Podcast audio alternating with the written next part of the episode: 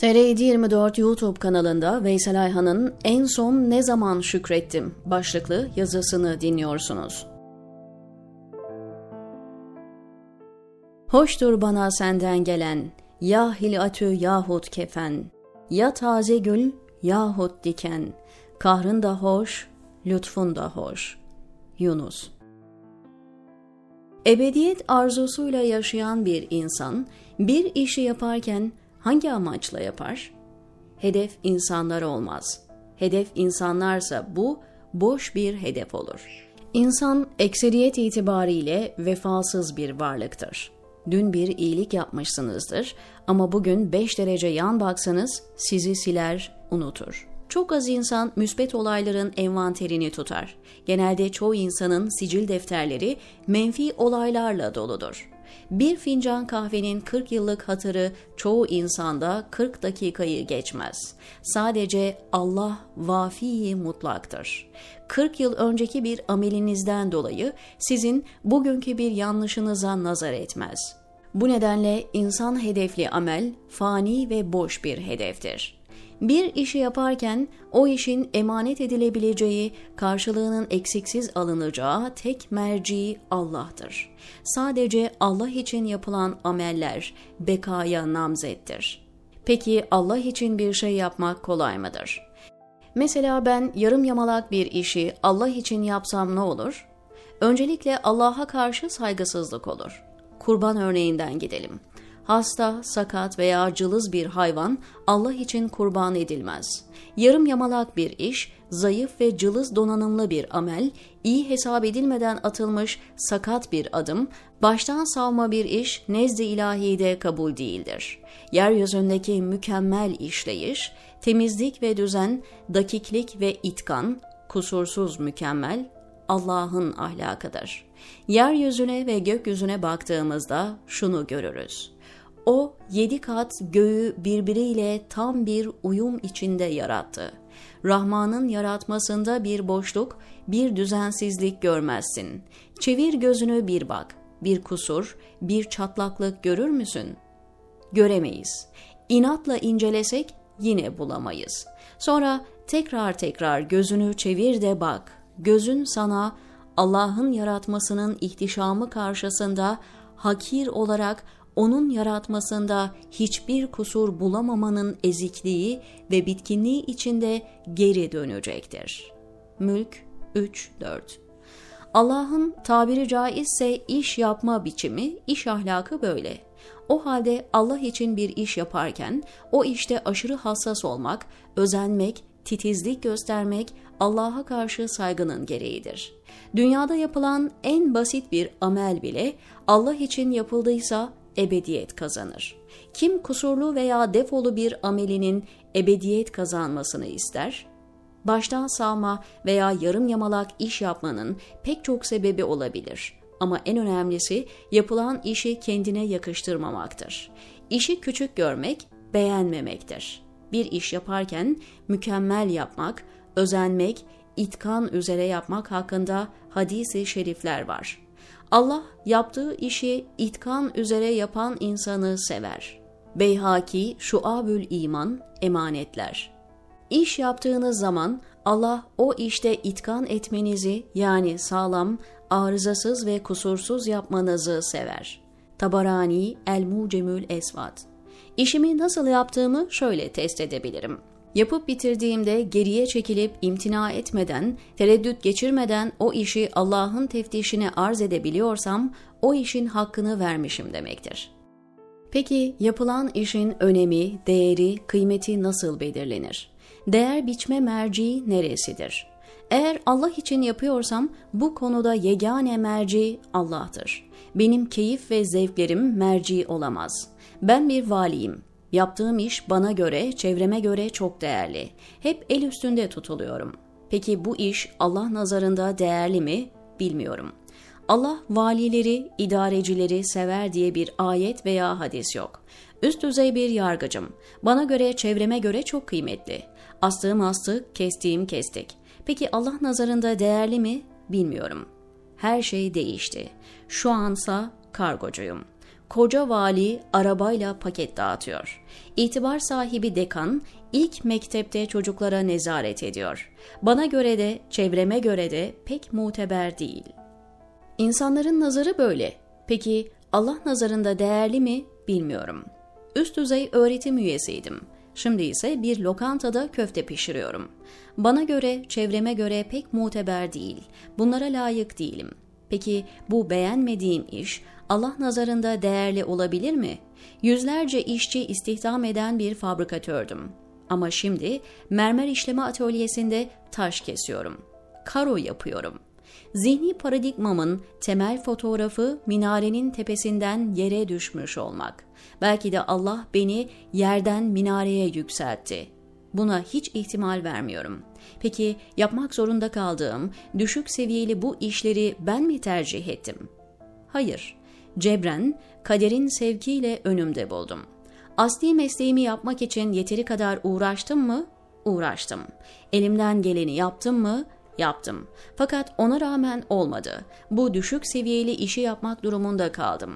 O halde şu an uğraşmakta olduğum iş şüphesiz Allah'ın takdiri, onun tensibi. Mecburi istikamet olarak önüme konmuş bir meslek, Allah dileseydi hala yüksek seviyeli işlerle uğraşıyor olurdum. O zaman nazarımı tasih etmeliyim. Başka çareler tamamen tükendikten sonra elimde kalan son seçenek buysa o zaman Allah'ın bana uygun gördüğü meşguliyet budur. Bir işi değerli kalan işin ne olduğu değil, o işi kimin takdir ettiğidir. O meslek cübbesini size kimin giydirdiğidir kaymakamlık veya genel müdürlük mü değerli, yoksa Allah'ın mecburi istikamet olarak önüme koyduğu ve takdir ettiği pizza dağıtıcılığı veya Uber şoförlüğü mü? İşte tam bu noktada ben ne kadar mümin olduğumu test edebilirim. Bu iş madem ki Allah'ın takdiri, o zaman ben bu işi benim için dünyanın en aziz işi olarak kabul edebiliyor muyum? Edebiliyorsam kendimle iftihar edebilir, tahdis-i nimette bulunabilirim.'' Kaldı ki hala burnumda tüten eski mesleğim o kadar sıfırlandı ki şimdinin paşaları eskinin yüzbaşısı kadar itibarlı değil. Valilik o kadar sıfırlandı ki şimdiki valiler o zamanın mal müdürü kadar saygın değil. Şimdiki yargıçlara gelince mübaşirden hallice. Ama ben kendi subjektif kriterlerimi kullandığım için bu işi beğenmiyorum ve sürekli şikayet ediyorum. Hiç memnun değilim. Durmadan iç geçiriyorum. Söylenip duruyorum. Gözlerim sürekli parıltılı örneklerde. Neden benim de öyle bir işim yok? Kızıyorum, sinirleniyorum. Böyle olunca tabii ki şükretmeye hiç vakit yok. Şikayet de şikayet. Oysa emsallerim yıllardır hücrede. Gıkını çıkarmadan Allah'a hamd edip şükrediyorlar. Bense kat kat özgürlükler içinde mevkiyi beğenmiyorum. Şükürsüzlükte sınır tanımıyorum. Çünkü şeytan sürekli kulağıma fısıldıyor. Senin gibi bir insan bunlara mı layık? Şükür derken tesbihatta söylediğimiz çoğu zaman manası düşünülmeyen lafzi zikri kastetmiyorum. Onun yeri ayrı. Ben bilinçli olarak Allah'a teşekkürü içinde hissederek lafzen veya kalben veya ikisi bir arada Allah'a minnettar oluşu kastediyorum. Şükürsüzlük ve şikayetler insan ruhunu fasit bir daireye sokar ve bu fasit daire insanı bir anafora kapılmışçasına Allah'tan uzaklaştırır. Bir insanın şükürsüzlüğü Allah'tan hızla uzaklaştığının en önemli emaresidir.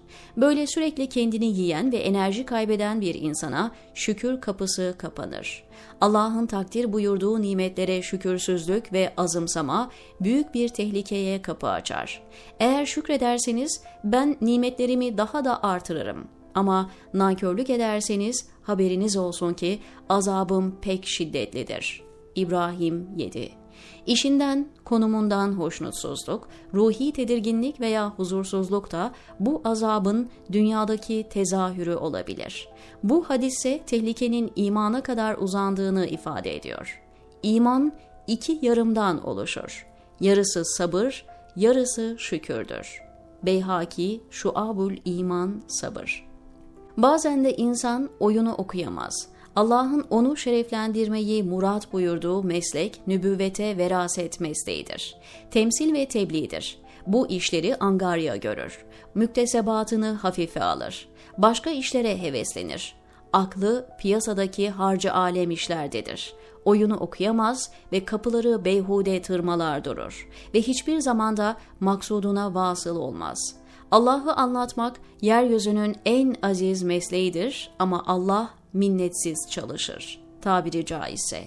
Allah'ı anlatırken yaptığı işi hafife alanlar, sürekli şikayet edenler, tekasül gösterenler, başka mesleklere göz kırpanlar bir süre sonra neye uğradıklarını anlamadan kendilerini bir şose kenarında bulur.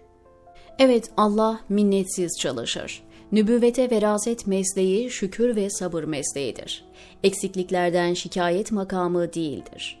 Allah'ın rızasını kazanmanın yolu onun takdirine razı olmaktan geçer. Allah'ın sana takdir ettiği eş, ihsan ettiği evlat, çalışma arkadaşların, bunlar ve bunların sana göre yanlışları ve senin bunlara Allah rızası için katlanman, rıza makamı için birer akabedir. Sonra önümde bulduğum iş, meslek.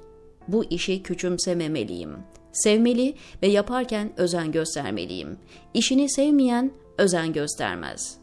Koskoca hakime kreşte bebek bakıyor, altlarını temizliyor.